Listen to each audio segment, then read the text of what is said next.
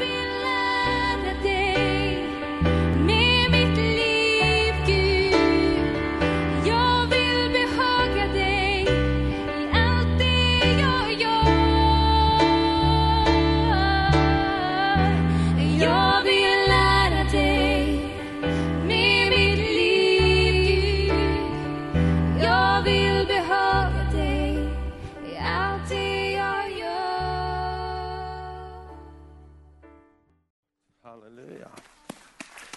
Härligt. Tack så mycket. Underbar sång. Forma mitt liv, Herre. Tack Jesus. Ska vi bara be att Gud ska öppna sitt ord för oss idag och lysa med sin ande på ordet och i våra hjärtan. Helige Ande, vi tackar dig för ditt ord, Jesus, som du har gett oss. Vi ber idag när vi ska läsa ditt ord och tala ditt ord, att det ska vara levande för oss, Herre, levande och verksamt. Det ska vara mat för vår invärtes människa. Det ska lysa upp våra invärtes ögon, så vi ser, Herre, och formar våra liv, Herre. Gud, tack att du är mycket större, tack att du har så underbara planer för var och en av oss och för vår vardagliga vandring, dag för dag, livet. Mitt i det så finns du Jesus. Så vi vill välkomna dig helige Ande. Kom och öppna upp Guds ord för oss idag. I Jesu namn. Amen. Amen. Underbart. Idag är en bra dag, eller hur? Amen, därför att Jesus han lever. Halleluja, Jesus sitter på tronen och han manar gott för oss idag. Det är underbart att veta att varje dag så manar Gud gott för oss. Det är ingen mellandag så här liksom att nu var jag så god igår så jag får ta lite paus idag, utan varje dag så, så är Gud god. Amen, visst är det härligt att vi har en sån Gud, han är inte nyckfull va. Idag vaknade jag och jag var lite sur sa Gud. Nej, han vaknar inte på det sättet, utan Gud är densamme. Halleluja, varje dag, oberoende hur ditt liv är, så är Gud densamme.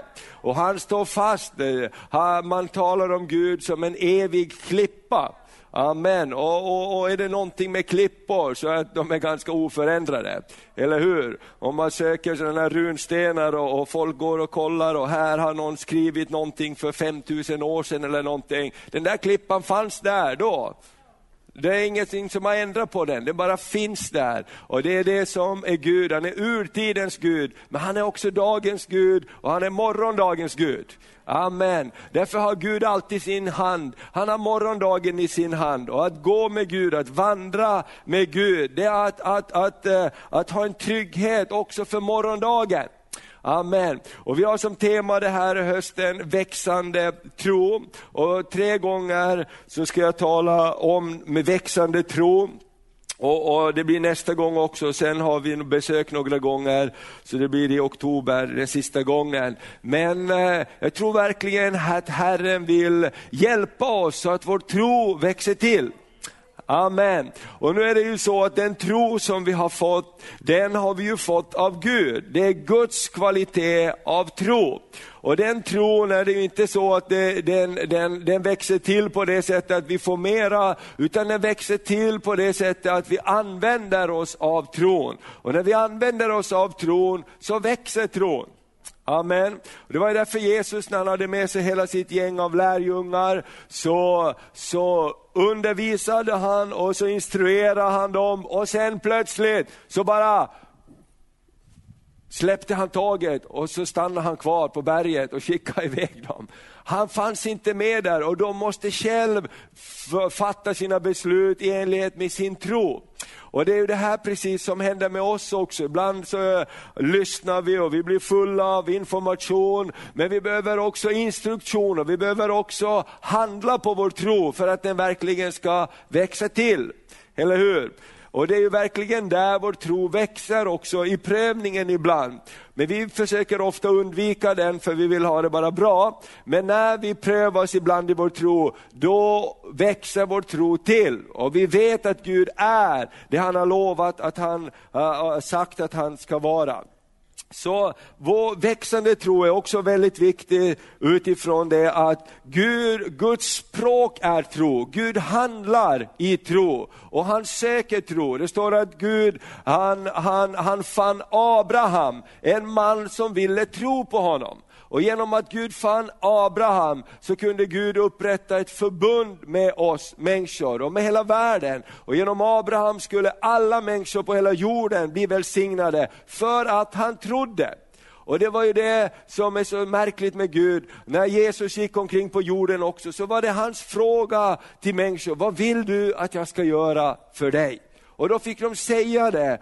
Och, och, och då sa Jesus ofta, din tro har hjälpt dig. Gå och stå upp ifrån din bädd eller vad det nu var. Ofta, ofta så sökte Gud de här, Jesus de här samarbetspunkterna där människor fick uttrycka sin tro till honom. Din tro har hjälpt dig. Amen, ske dig som du tror. Och därför tror jag att det är så viktigt idag också. Vi längtar efter att se Gud komma. Vi längtar efter att se den heliga Ande verka. Vi längtar efter att se Guds verk bara växa till i vår tid. Men Gud, han söker tro i våra liv och över hela Kristi kropp. Och därför tror jag också det är så att eh, när Gud talar profetiskt olika saker, om inte vi som Kristi kropp då är beredda och säger vårt gensvar till det, då blir det bara ett tomt ord och det bär inte. För att den som tror och tar emot, det är ju där det händer. Och jag tror precis som, som eh, vi ber ibland, vi ber för vårt land, vi ber för, för att Gud ska röra vid Sverige. Och då så måste vi också räkna med att hur rör Gud vid Sverige? Jo, Gud rör vid Sverige genom sitt folk på varje plats, på varje ort och gemensamt när vi tror på honom så förlöses också en förväntan på vad Gud kan göra. Amen. Och det är ju precis den här liknelsen om eh, den här eh, i Bibeln som kom till Jesus och sa så här, Jesus, jag, jag, jag, min tjänare, han skickade ett budskap till honom. Min tjänare är svårt sjuk och jag bara vill att, att, att han ska bli botad. Och Jesus skickade bud och sa, okej okay, jag kan komma till dig. Och han sa, du behöver inte ens komma, men jag vill bara att du ska säga ett ord, så blir min tjänare frisk. Amen. Och Jesus sa, wow! Det är inte många gånger det står att Jesus blev förvånad, men nu blev han förvånad. Han sa, vilken tro, sån här stor tro har jag inte ens mött i hela Israel. Gå hem, din tjänare är redan frisk. Och han sa tack så mycket. Och så när han kom hem och så tog han reda på när blev han frisk? Jo det var när Jesus hade talat ut, gå hem din tjänare är frisk. Och jag tänker så här i våra liv, det blir lätt också att vår trosliv, och vi är trosförsamling, eller vad, vad man kallar det, det är ofta folk som ger en olika namn. Men vi, vi, vi vill tro på Gud, och då finns det en risk i det också, att man blir bekväm i det. Att man inte är det folk som tar trosteg. Amen.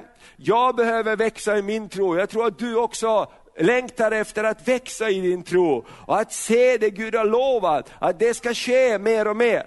Och då önskar vi ju så gärna att det bara ska komma någonting som bara svepar över allting och så ska det bara ske. Eller hur? Visst skulle det vara skönt? Det skulle bara komma en vind och bara blåsa in och, och, allt som vi längtar efter skulle ske. Men Gud jobbar inte på det sättet. Därför att då så blåser det lika fort förbi som det kom. Eller hur? Utan Gud arbetar med oss. Gud vill att vi ska vara män och kvinnor av tro på honom, som vandrar i tro. Och inte bara i åskådning, utan i tro på det Herren har sagt. Och Jesus sa till Thomas, salig är den som tror fastän han inte ser. Och jag, jag, tror verkligen att, att Gud vill uppväcka vår tro på nytt. Han vill utmana oss så att vi får en växande tro. Och det är vissa saker som jag vill bara beröra här under de här söndagarna när det gäller växande tro. Därför jag är utmanad också av Jesu ord som säger, allt är möjligt för den som tror. Amen. Jag måste erkänna, jag upplever begränsningar väldigt ofta. Jag vet inte hur det är med dig. Men Jesus sa, allt är möjligt för den som tror.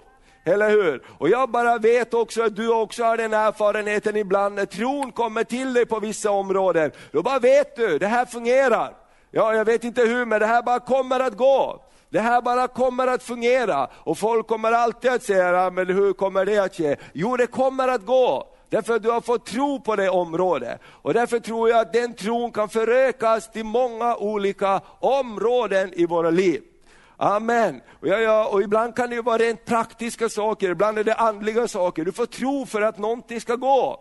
Amen. I somras så flyttade vi ett hus härifrån eh, Övik ut till Åland. Det är 600 kilometer dit. Man får åka över två färjor och allt möjligt. Och, och, och, och, folk säger, men hur kan man göra det? Jag har aldrig hört talas om att man kan göra det. Men plötsligt när jag var där och tittade på det där huset, då fick jag bara tro, det här kommer att gå. Inte vet jag riktigt hur, men eh, efter ett, ett efter ett så, så löser sig och sätter sig saker på plats och så, så går det på något märkligt sätt. Med några centimeter ibland, det var bara fem centimeter till godo på färjan, att, det här, att paketet skulle rymmas in där. Men det gick precis. Jag menar, och jag tänker så här, ibland är det ju verkligen så att vi behöver många sådana områden i våra liv där tron får glimma till och där vi finns ett gensvar i våra liv. Därför tron fungerar också utifrån ett gensvar. Hur många gånger har inte Herren talat till oss, sagt saker till oss och vi säger ja, det låter bra. Eller hur? Men det finns inte trons gensvar där. Lite som Jörgen sa och som Herren utmanar oss på olika sätt, ibland ekonomiskt. Att ta det där steget och se att det håller. Amen. Och Gud är verkligen en Gud som fungerar av tro, han söker tro. Det står att hans ögon överfar hela jorden, för att han söker dem som med sina hjärtan hänger sig åt honom. Varför hänger man sig åt Gud? Jo, därför att man tror på honom. Eller hur? Jag tror att du finns, jag tror att du kan hjälpa mig, jag tror att du vill löna mig. Och det är precis det Hebreerbrevet 11 och 6 säger också. Vi ska börja ta det ganska enkelt här. Och vi börjar utifrån Hebreerbrevet 11 som är trons kapitel, i, i, speciellt i Bibeln, där vi kan läsa mycket om trons hjältar och, och människor som eh, gick igenom svåra umbäranden men de valde att hålla fast i tron på Gud. Och Det är så häftigt med, med, med, med det här kapitlet, därför att det handlar om vanliga människor. Amen. Det handlar inte om supermänniskor, det handlar om vanliga människor som gick igenom olika saker. Och det står så häftigt till och med att alla fick inte se det de längtade efter, men de höll fast vid det. Och vi tillsammans med dem får uppleva fullbordan i tron. Det är också en dimension när man vandrar med Gud. Kanske inte vi får se allting, men vi kommer tillsammans med de heliga att få se det. Det är därför det här med generationerna är så viktigt. Att vi inte bara tänker här och nu, jag, mig och mitt, utan vi tänker ett steg till.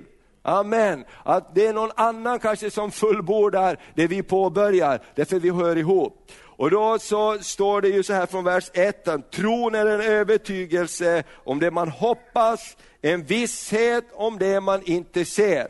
Tron är en övertygelse om det du hoppas. Man hoppas på någonting, eller hur? Och därför så ska vi uh, ta vara och vårda hoppet i våra liv. Att, hoppas du på någonting? Är det någon som hoppas?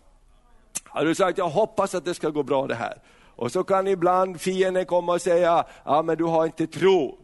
Men det är någonting helt annat och vi ska komma in på det lite idag också, lite med samvetet. För samvetet i våra liv är både på gott och ont beroende på vad som har format vårt samvete. Och det har också påverkat vår tro. För ibland säger vi så här, men jag, bara, jag, jag kan inte ta emot det här. Jag kan inte ta emot det här som jag hör att Gud säger till mig. Jag får dåligt samvete. För att det här är inte det jag har lärt mig, det här är inte i enlighet med min, min, min, min uppväxt, vad som är bra och inte bra. Och då kan det hindra oss att ta emot välsignelse från Gud. Amen. Halleluja. Du vet att folk som ska lyfta händerna när de prisar Gud, de många skäms för att lyfta händerna för att prisa Gud. Vad ska jag lyfta mina händer? Vem tror de att jag är? Man är så påverkad och så får man nästan dåligt samvete så jag bara håller mig lugn, för mamma sa bara håll dig lugn så går allt bra. Va? Eller tror du att jag ska göra någonting? Tror du att Gud ska använda dig? Nej, inte mig. Men jag är glad att få vara med i bakgrunden. Och jag menar, och då så blir det också någonting som påverkar vår trosvandring.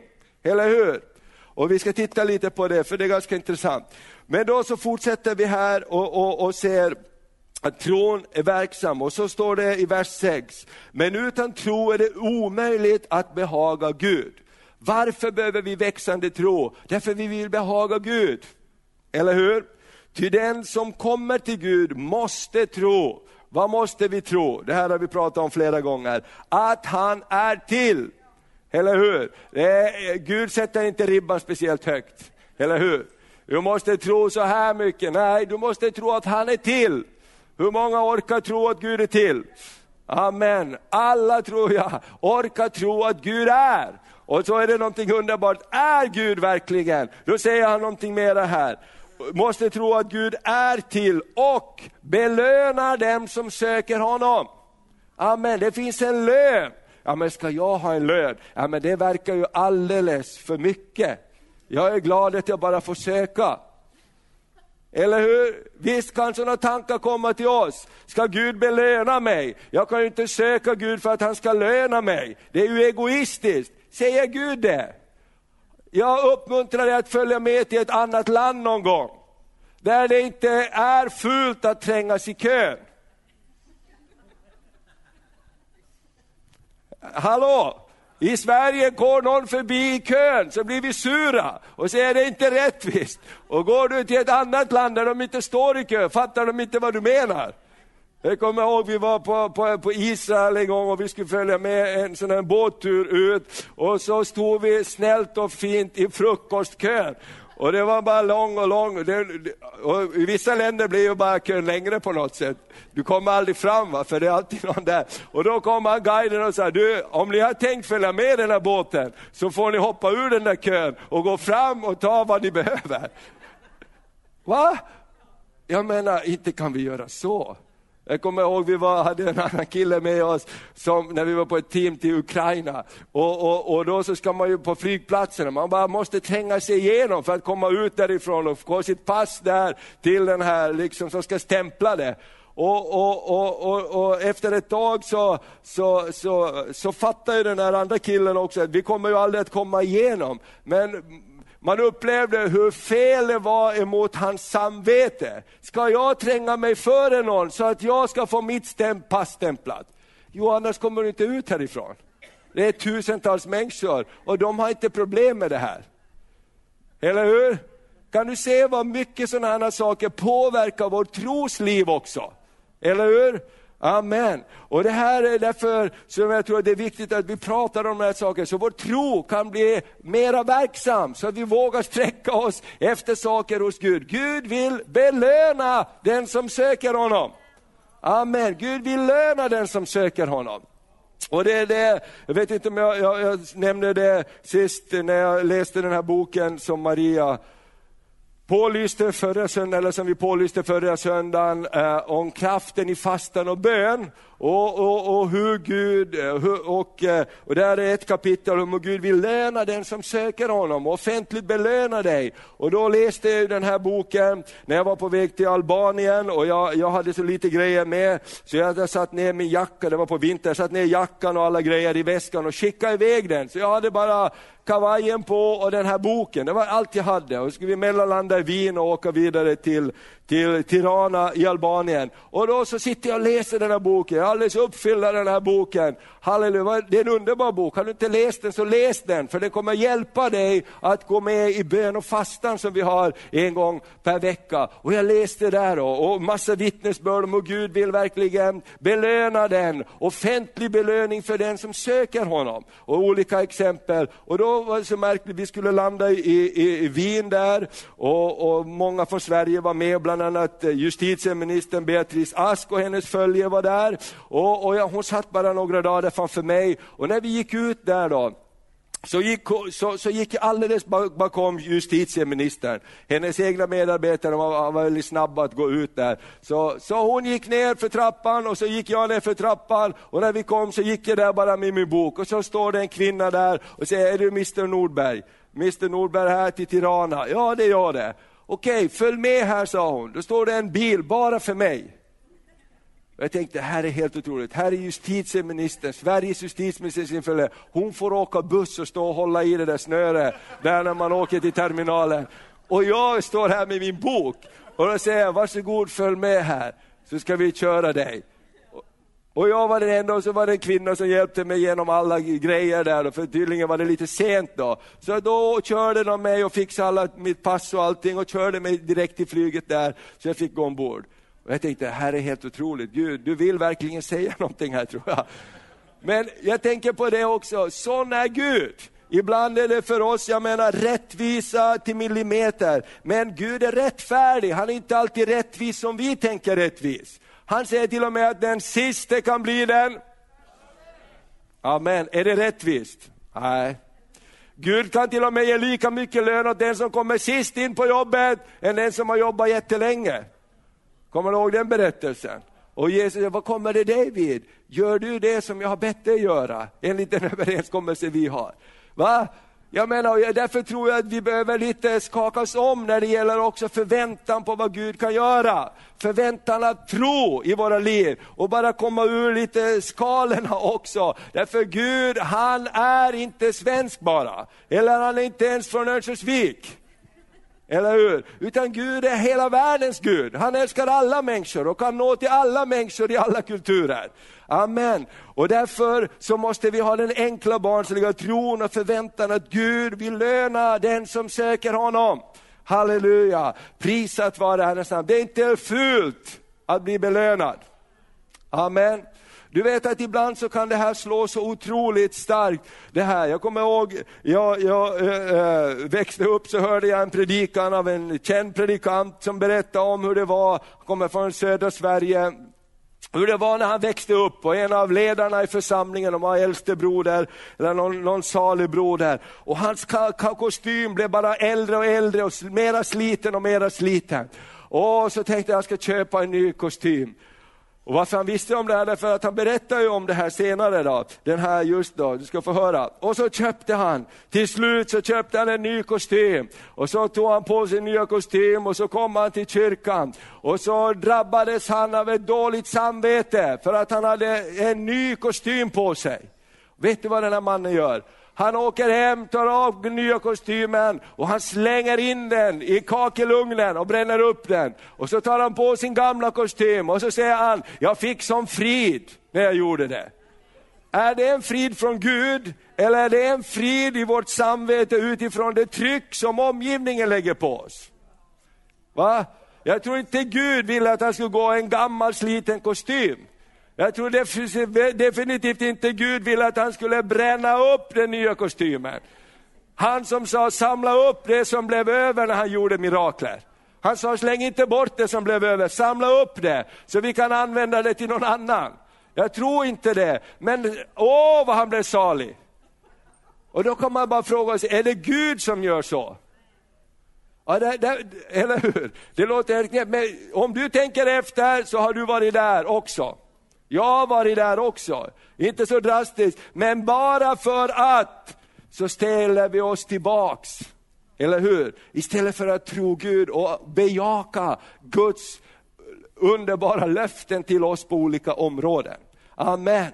Vet du vad, det är välsignat att kunna vara välsignad. Amen. Det som Jong Cho sa, att en del säger att små församlingar är underbara. Och jag håller inte med om det, sa han. För stora församlingar är med ännu underbarare. Därför vi kan göra mer. En liten församling kan göra underbara små saker, men en stor församling kan välsigna fler. Så vi har byggt ett sjukhus i, i, i Nordkorea där människor får komma och bli opererade. Och vi betalar för det. Det kan vi göra för att vi är en stor församling. Amen. Och jag tänker det är så många saker där vi ber så här, Gud låt mig bara få det som är min del. Inte mera, inte mindre. Har du hört om Agur? Amen. Du vet, han, det är helt otroligt med Agur, att han får vara med i Bibeln. Det är Ordspråksboken. Han är världens, han är, han är, han är, han är Bibelns dummaste man. Har du hört om honom? Han säger att jag har inte ens mänskligt förstånd. Och ändå brukar vi citera honom. Vi måste läsa Ordspråksboken här. Agur, Agurs ord, han har på något sätt slinkit med här. Och ibland så tar vi honom som ett fromt exempel när Bibeln har honom som ett, någonting helt annat. I Ordspråksboken 30 så står det om Agur och Agurs ord.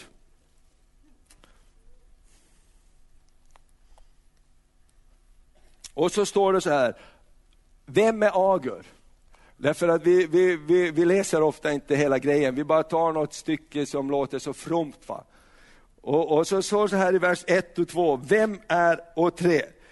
Detta är Agurs, Jakels sons ord och utsaga. Så talar den mannen till Itel, till Itel och Ukal. Jag är oförnuftigare än någon annan och utan mänskligt förstånd. Och vi säger, åh vilken ödmjuk man. Det är inte speciellt smart att lyssna till sådana.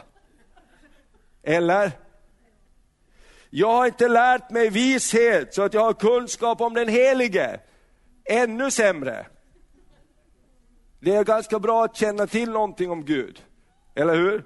Och så säger han så här, jag, eh, jag har inte heller lärt mig vishet så att jag har kunskap om den Helige och så vidare. Och så säger han de här sakerna, vers 7. Två ting ber jag dig om, neka mig inte dem intill min död. Håll falskhet och lögn fjärran ifrån mig. Och det är, det är ju bra början va? Och sen fortsätter han, ge mig varken fattigdom eller rikedom, men låt mig få den mat jag behöver. Jag har hört sådana böner. Låt mig inte få för mycket eller för lite, men låt mig bara få den del jag behöver. Vad är det för någonting? Va? Om du ser en människa lida nöd, så kan du säga till henne, tyvärr, jag skulle vilja hjälpa dig, men jag har ingenting att ge dig. Hoppas någon annan kan göra någonting för dig. Är det inte så att om vi har någonting så kan vi göra någonting? Och hur många gånger hör vi inte det här? Och blir vi, och får löften av välsignelse av Herren, så tänker vi det är för mycket, det kan inte vara mig. Jag känner mig helt, jag har dåligt samvete. Och därför måste vi göra upp med det samvete som inte är från Herren. Och jag ska predika lite mer om det, speciellt en gång, samvetet på gott och ont. Och Bibeln säger jättemycket om det. Men vad fortsätter han så här? Låt mig, inte få, låt mig få den mat jag behöver så att jag klarar mig i princip. Sen struntar jag i de andra. Annars, i vers 9, kan jag bli så mätt att jag förnekar dig. Okej, okay. det är en djup relation och säger, vem är Herren? Eller så fattig att jag skäl och vanhelgar min Guds namn. Va? Jag menar, och de här sakerna låter ju väldigt bra, speciellt i Sveriges samhälle, jantelagen. Man ska inte vara för mycket av någonting. Men hur påverkar det vår tro? Hur påverkar det när jag ska komma till Gud som säger, kom till mig, alla ni som är trötta och tyngda, så ska jag ge er ro. Kom till mig så ska jag belöna den som söker dig. Hur påverkar det vår tro, att växa i vår tro? Jag tror det är dags att vi måste göra oss av med lite bråte, eller hur? Så vi kan växa i vår tro. För det handlar inte om oss, det handlar inte bara om dig, det handlar om de som är runt omkring dig. Eller hur? Vi vill inte bara att vi ska bli hjälpta, vi vill också, Gud, att våra liv ska bli välsignelse till andra. Och då behöver vi vidga våra hjärtan. Då behöver vi vidga våra hjärtan, eller hur? Då behöver vi låta tron påverka oss ännu mera. Amen, det var lite eh, utsprång här åt sidan. Och jag vill bara gå tillbaks till Romarbrevet 2 och 13. Vi kan ha den här bilden uppe Erik där hela tiden som en bakgrund, tro. Eh, precis, växande tro. Och så kan du lägga bibelorden på dem. Romarbrevet 12 och 3. Alla har fått ett mått av tro.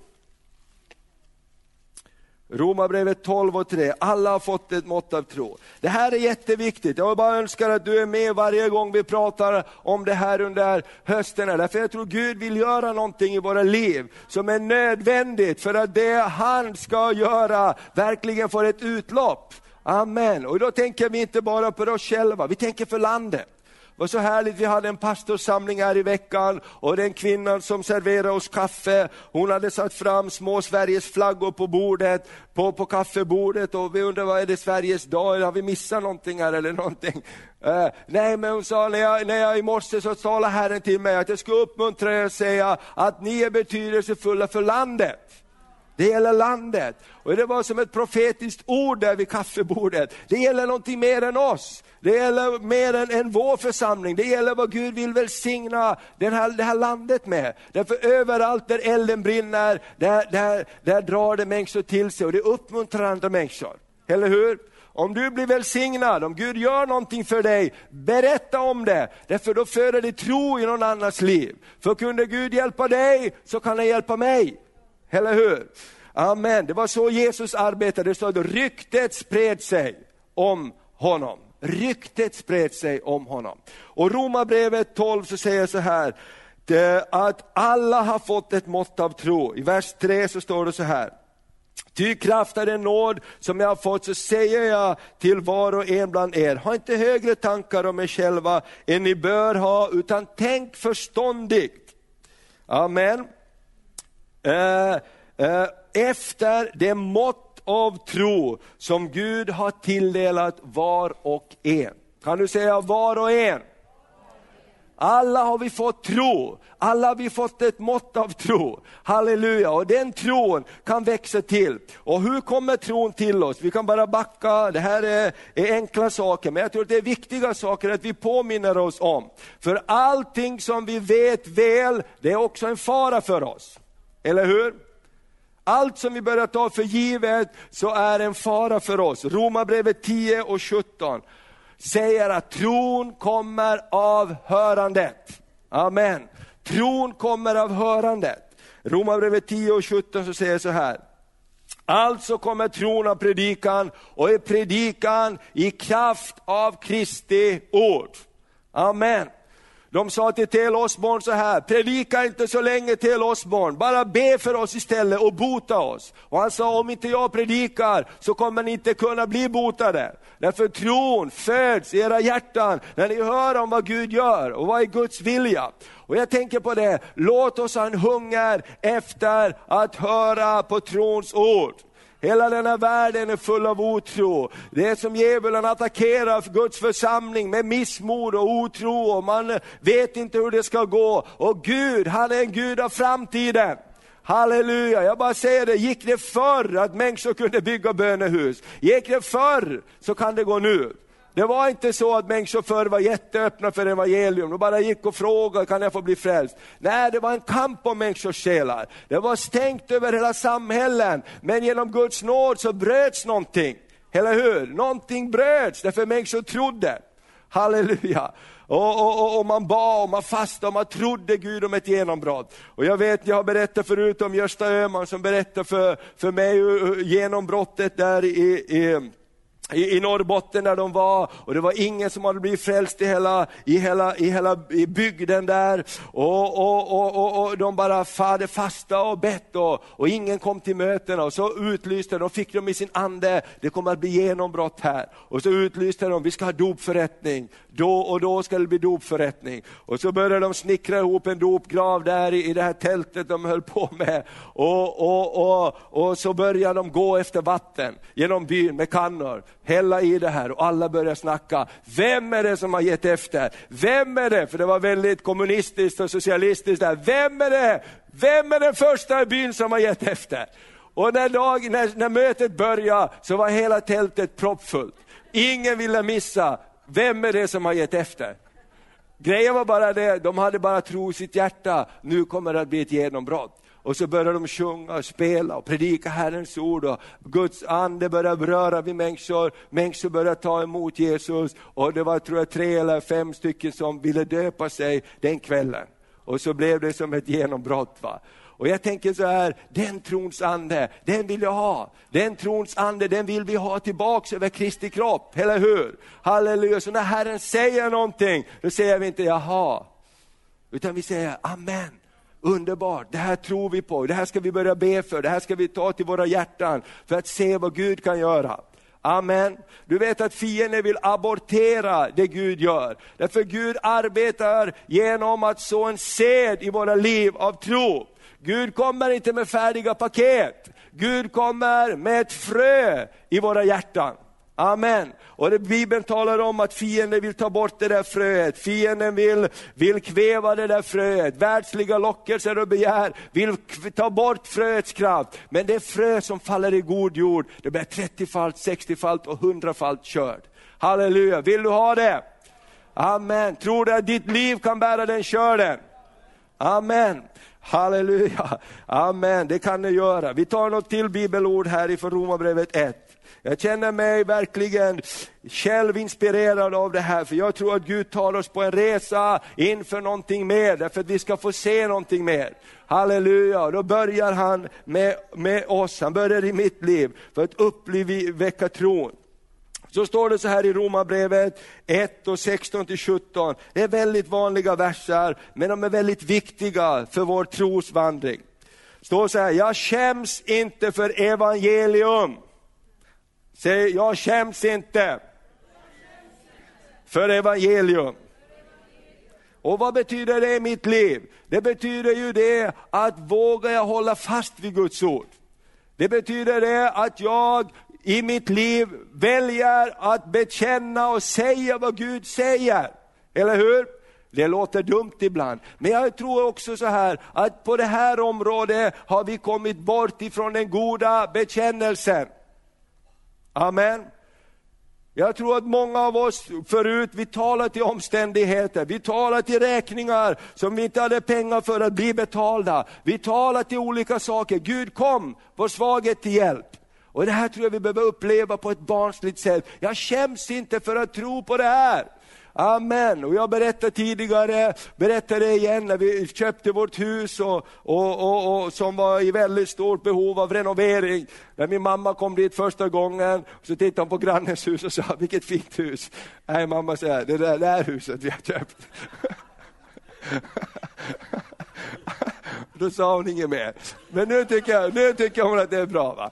Amen. Men det var ett jätteprojekt, jättetrosprojekt. Va? Och då så vet jag hur vi behövde, fick där, men vi kanske kan sälja lite tomter, vi kanske kan förlösa pengar på något sätt genom att sälja lite grann av, av den, den, den mark vi äger. Och vi gjorde våra försök och de sa att det är omöjligt för det är starka elledningar, där kraftströmsledningar över det här området och där kan man inte bygga hus. Och jag kommer ihåg när jag, jag bara gick omkring där i skogen och sa, Gud du måste göra, hjälpa oss, göra en väg. Och trons ande kom över mig och jag talade till de här kablarna.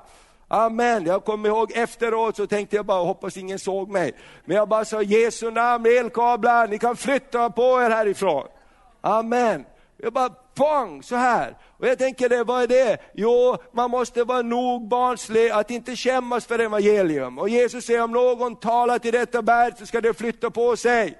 Amen. Och då måste man också koppla ihop det med tro för de sakerna. Och det är därför att röra sig i trons värld och i trons område, att någonting föds. Och då finns det där. Amen. Och där gör vi fel ibland, vi bara säger grejer för att vi tror att det är så det funkar, vi bara säger. Nej, det måste vara hopflätat med tro. Eller hur? När du tror i ditt hjärta. Och var kommer den tron ifrån? Det kommer från Gud. Därför behöver vi inte stressa upp oss när det gäller tron. Därför tron är ingenting vi kan pumpa upp så här. Alltså nu jag tror, jag tror, jag tror, jag tror, jag tror, jag tror, pling! Nu får bollen rakt upp liksom, nu är vi där. Utan tron är någonting som är, är trons ande. Tron är någonting som föds i våra hjärtan och finns hos oss. Och när vår mark är beredd för det, så såg Gud ett ord där. Och så kommer det upp. Amen. Halleluja! Och det finns någonting när det gäller det här som är så, så barnsligt så vi måste våga tro det. Jag skäms inte för evangelium. Det är en Guds kraft som frälser var och en som tror. Kan du säga var och en? Va? Ja, hur gick det med den där, säger hon. Ja, då gick det ju så då, halleluja. Hur gick det? Det gick faktiskt så att det tog bara några månader så kom det ett brev ifrån Vattenfall som vi hade pratat med tidigare och sagt att det, blir, det finns inga planer i tioårsplanen på att ändra någonting när det är elkablarna där. Men Gud hade sagt någonting annat. I den här trons ande där, pang, så, så tog det bara några månader och så kom det här brevet på grund av Gudrun eller någon annan av de där stormarna, där regeringen hade bestämt att nu måste ni börja sätta fart på att gräva ner kablar. Och då sa de så här, kan vi börja hos er? Det står det i brevet, vi kan börja med det här området. Amen. Halleluja! Prisat vare Herrens namn. Och så dessutom sa de så här, får vi också sätta upp en transformator på ert område så betalar vi för hyra för marken för någonting. Och fick nog 6 eller 8 tusen kronor dessutom. För det. Och jag tänkte så här, Gud du är bara så, du är bara så helt otrolig. Amen. Och jag menar, och jag tänker så här, med allt det som Gud gör, det är ofta ihopkopplat med, med barnsliga enkla saker. Och när vi som Guds folk blir bekväma i hur vi har det och inte har den här tron, Gud, du måste göra någonting. Så händer inte så mycket heller. Amen. Det är därför Jakobs brev säger att när er tro prövas så ska ni vara ståndaktiga för då växer er tro. Tron växer när vi praktiserar den. Amen. Tron växer inte bara för att, att, att, att man får en befordran, nu har jag varit frälst i tre år, nu får jag lite tilltro. Eller nu har jag varit frälst i 30 år, nu får du en guldklocka av Gud som heter tro. Eller hur? Utan tron växer när vi praktiserar den. Amen. Det är därför det händer så mycket också i de här länderna som vi tycker att har så svårt. Men de tror på Gud, de kastar sig på Gud. Amen. Och att de har kunnat bygga ett, eh, kyr, att de kan bygga kyrkor och att de kan betala kyrkorna verkar helt otroligt för oss. Eller hur? Hur kan de göra det? I Moskva de byggde hela kyrkan, betala hela kyrkan. Det är massor av miljoner. Hur kan de göra det? Därför de är desperata efter Gud. Gud, hjälp oss. Och jag tänker så här, när tron ökar i våra liv, då ökar också den här blicken på insidan om vad Gud vill göra. Vi börjar få större drömmar, större visioner, mera längtan efter att se Gud göra olika saker och någonting underbart börjar hända. Halleluja! Och där är det så underbart att Gud säger, ja Gud har inte anseende till person. Gud har inte anseende till person. Var och en som tror, är du liten, är du stor, är du gammal eller ung, Gud har inte anseende till person. Det är så häftigt. Halleluja. Och vad står det mera här? Frälsa var och en som tror, först juden, sedan greken. Rättfärdighet från Gud uppenbaras i evangelium, av tro till tro. Där som det står skrivet, den rättfärdige ska leva av tro. Amen. Och jag är så glad att tron inte betyder att bara pumpa upp sig, utan tron betyder att lita på Gud. Tron betyder att vandra med Gud. Tron betyder att förtrösta på Gud.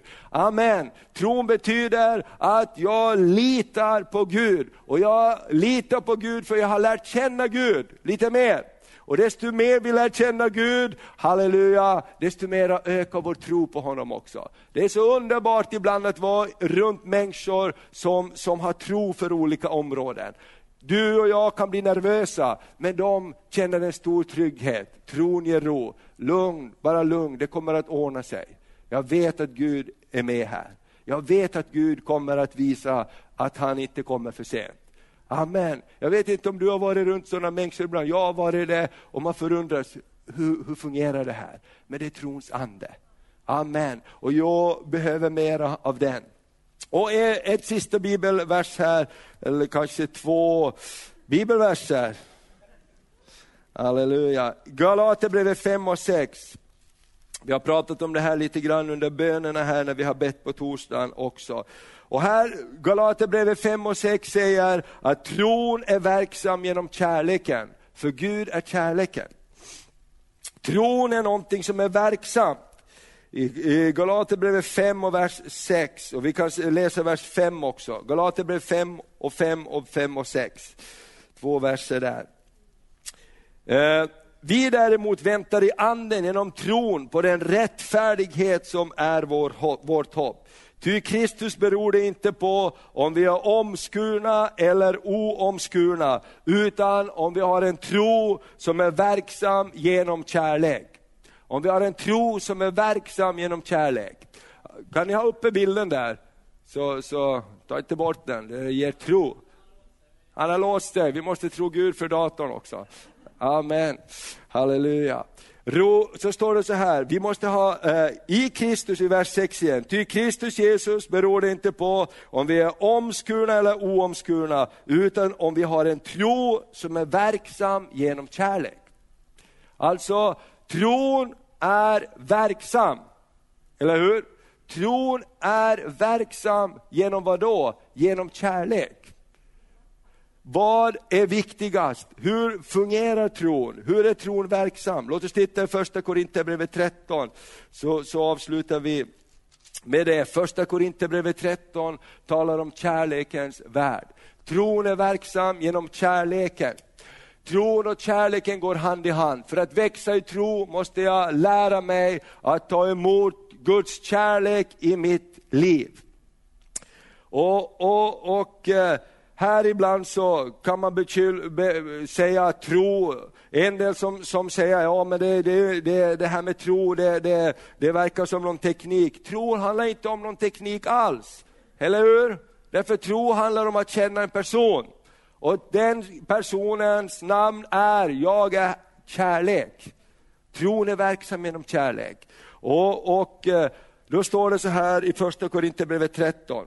Om jag ägde, om jag talade både människors och änglars språk, men inte hade kärlek, så vore jag endast en ljudande malm och en skrällande symbol.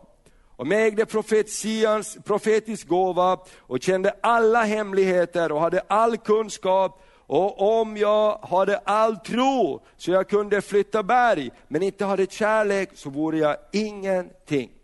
Tron är verksam genom kärleken. Och nu läser vi mera om jag delade ut allt vad jag ägde, om jag offrade min kropp till att brännas, men inte hade kärlek, så, vore jag, så skulle jag ingenting vinna. Och så kommer det här, kärleken är tålig och mild. Och nu vill jag också att vi ska tänka så här, tron är tålig och mild. Amen. Därför kärlek och tro är ihopkopplade med varandra för att kunna fungera. Därför kan vi säga så här, Eh, kärleken är tålig och mild, tron är tålig och mild. Kärleken avundas inte, tron avundas inte. Amen. Den uppmuntrar istället. Vad kul att det gick bra för dig. Vad kul att det lyckades för dig. Eller hur? Tron avundas inte. Gud, Abraham och, och Lot, Abraham sa, Lot välj du först. Eller hur? Går du till höger går jag till vänster. Och så fortsätter det så här. Den skryter inte, tron skryter inte, kärleken skryter inte. Titta vad jag har gjort. Nej, den pekar på Jesus. Den är inte heller uppblåst. Tron uppför sig inte illa, kärleken uppför sig inte illa. Den söker inte sitt, den brusar inte upp, den tillräknar inte det onda. Den gläder sig inte över orättfärdigheten, men har sin glädje i sanningen. Det fördrar allting, tror allting, hoppas allting och uthärdar allting. Amen. Kärleken förgår, all, upphör aldrig. Och, och, Om du tänker det här att kärlek och tro är kopplat till varandra för att fungera, då blir ju det här precis eh, eh, någonting som är så viktigt också i våra liv. För att verklig tro är alltid kopplad med kärlek. Jakob säger, om du ser den hungrige vara hungrig och du säger Gud välsigne dig och så går du därifrån, då har inte din tro varit verksam. Och Jakob säger, visa mig din tro utan gärningar så ska jag visa dig min tro med mina gärningar. Därför att tron är en gåva från Gud, men tron är alltid ihopkopplad med Guds kärlek. Och därför är Guds kärlek verksam. Därför är tron också verksam. Tron säger, jag kan inte sitta still. Tron säger, jag kan inte låta det här gå förbi. Eller hur? Amen. Och därför så är tron och kärleken så starkt ihopknippade med varandra. Och där har vi också en utmaning i våra liv. Varför växer inte vår tro ibland? Är det så att vi har svårt också att ta emot Guds kärlek? Kan det vara så på olika områden att verkligen tro, det här som vi ska prata om, samvete eller kulturen som präglar oss så hårt, att jag är älskad, jag är godkänd. Jag blev så förvånad i, i, i somras eh, på Europakonferensen och en av predikanterna där som talade om Guds faders kärlek och Guds hjärta, John Arnroth från Kanada, han sa, hur många av er har aldrig fått höra när ni växte upp, jag älskar dig.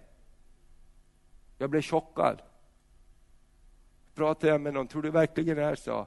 Och personen sa, ja, jag vet inte aldrig om, jag fick, om, om min pappa sa det till mig, jag älskar dig. De visade det kanske på olika sätt och jag förstod att jag var älskad, men jag fick aldrig höra, jag älskar dig. Och jag tänkte, vad gör det med oss? Vad gör det med oss i vår relation till vår faders kärlek? Är det bara förhållande hur mycket jag har presterat som egentligen jag tror att Gud belönar mig för?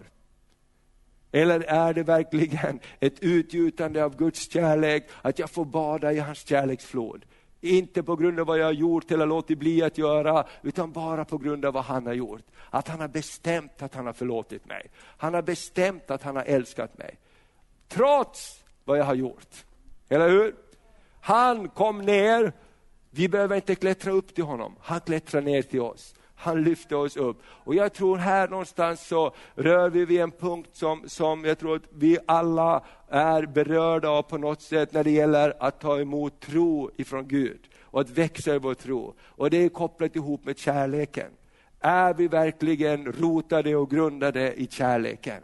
Amen. Och då är det inte så att ja, men jag, jag skulle vilja älska mer. Inte den kärleken, utan den mottagande kärleken. Att jag är älskad. Ja men, inte jag. Mamma sa alltid att jag måste vara en duktig pojke eller flicka, då går det bra. Och jag har inte varit så duktig. Och Gud säger, jag älskar dig i alla fall. Där du är. Amen. Och någonstans här, halleluja, så tror jag att Gud vill röra också våra hjärtan så att Faderns kärlek kan strömma emot oss. Halleluja. Och Guds kärlek säger, jag söker inte mitt, utan jag söker den andres bästa. Halleluja. Tack Jesus, vi bara prisar dig. Herre, vi bara tackar dig för att du söker våra hjärtan. Och jag tackar dig Gud för att du genom din helige Ande rör sig över ditt folk och tack för din nåd att du bara tar itu med olika saker i våra liv så att tron kan växa, så att tilliten kan växa. Herre, så att eh, förtröstan på dig, att vandra med dig kan växa från dag till dag. Och herre, jag bara ber för det här området, när ditt ord säger att tron utan kärlek är, har, har ingen värde, utan en, en, en, en, en, en tro som är verksam genom kärlek, endast den har ett värde värde. Och Gud, jag bara ber att vi ska få ta emot din kärlek, Herre, mer och mer och mer och bara veta att vi vet att vi vet, Herre, att vi är älskade, vi är förlåtna. Gud, du har sagt att du upprättar oss, du säger att du gör oss till nya skapelser. Du säger, halleluja, att du gör allting nytt. Du säger att du förlåter oss våra synder och du håller ingenting emot oss längre. Herre, vi har så svårt ibland att verkligen förstå och tro det. Åh Gud, jag bara ber att du ska beröra oss med din kärleksfulla ande just nu. Jesus, jag bara ber om det, jag bara ber om det, jag bara ber om det. Så tron kan få växa till i våra liv. Herre, jag bara tackar dig. Jesu namn. Ska vi bara ställa oss på våra fötter också? Kan vi vara i bön inför Herren en liten stund till här? Jesus, vi bara tackar dig. Åh, vi bara prisar dig. Halleluja. Jag bara tror också att Herren kanske har rört vid olika saker här under predikan idag, när det gäller samvetet eller när det gäller vår, vår kulturs påverkan på hur vi kan ta emot Guds kärlek och tro ifrån himlen. Gud, jag bara ber dig, jag bara ber dig, Herre rör vid ditt folk, Herre rör vid mitt liv. Åh, jag bara tackar dig, jag bara prisar dig Herre. Halleluja, jag bara prisar dig för att du gör någonting nytt Herre. Du gör någonting nytt Herre, du gör någonting nytt Herre. Halleluja, jag bara prisar dig. Åh, jag bara tackar dig att ok lyfts av just nu. Åh, Jesu Kristi namn. Åh, halleluja, om du bara vill ha förbön för det här, om du känner att jag har så svårt att ta emot Guds kärlek till mig, att verkligen ta emot den här, eh, den här kärleken som inte ställer några krav tillbaks, den här kärleken Gud talar om och som jag har hört om i hela mitt liv, men verkligen att, att förstå att jag, att det gäller mig, det gäller här, det gäller nu, det gäller trots vem jag är. Och om du bara vill så kan du komma och ställa dig här framme. Och om du bara också känner det här med, med, med samvetet eller kulturen har, har, har, bara satt så många hinder för dig att, att växa i din tro. Så bara kom och ställ dig här framme inför Herren, så ber vi en stund tillsammans. Och bara, jag tror att sådana här saker, bara att röra sig också i tro. Bara att röra sig i tro och säga Gud, jag vill någonting mer. Jag vill någonting mer, jag vill någonting mer. Och bara kom och bara ställ dig inför Herren. Halleluja, bara säg Gud, jag vill någonting någonting mer med det här. Åh, jag vill uppleva och förstå någonting mer när det gäller den här dimensionen. Halleluja, Jesu Kristi namn. Åh, ralabayande. Jag tror det är många fler, många fler som bara om du är ärlig med dig själv säger, åh, jag har inte verkligen på djupet förstått hur älskad jag är. Jag har inte på djupet förstått vad Gud verkligen vill välsigna mig med. Hur mycket Gud vill göra genom mitt liv. Jag har nöjt mig med så lite, jag har nöjt mig med så lite. Åh, bara kom och bara ställ dig inför Herren här. Åh Jesus, jag bara prisar dig, jag bara prisar dig Herre. Åh, rabashidalamadia. Åh Jesu namn, de som är plågade också bara eh, på det sättet med, med de här agurdsorden. Ja men ja, det, det, det räcker bara jag har det bra. Bara min familj klarar sig, bara jag klarar mig. Gud jag bara ber att du spränger någonting idag. Du bara spränger någonting idag. Du bara spränger bort någonting idag Herre, av begränsning i våra liv. När det gäller hur vi kan förvänta oss av dig. Gud vi bara ber dig, jag bara ber dig, jag bara ber dig. Herre jag bara prisar dig. Åh vi bara prisar, jag bara välsigna var och en Herre. Åh som har rört sig framåt idag Herre. Halleluja, som bara står inför dig här och nu Herre. Jag bara ber Fader, jag bara ber Herre. Arbeta med oss alla under den här hösten. Bara fortsätt arbeta Herre. Herre. Oh, rabashida la la mayandaria. Oh, ralabakia la la ralabakialalamasentoromodia. Fader, vi bara prisar dig, vi bara lovar dig, vi bara ärar dig. Kom heligande, kom heligande, kom heligande, kom heligande.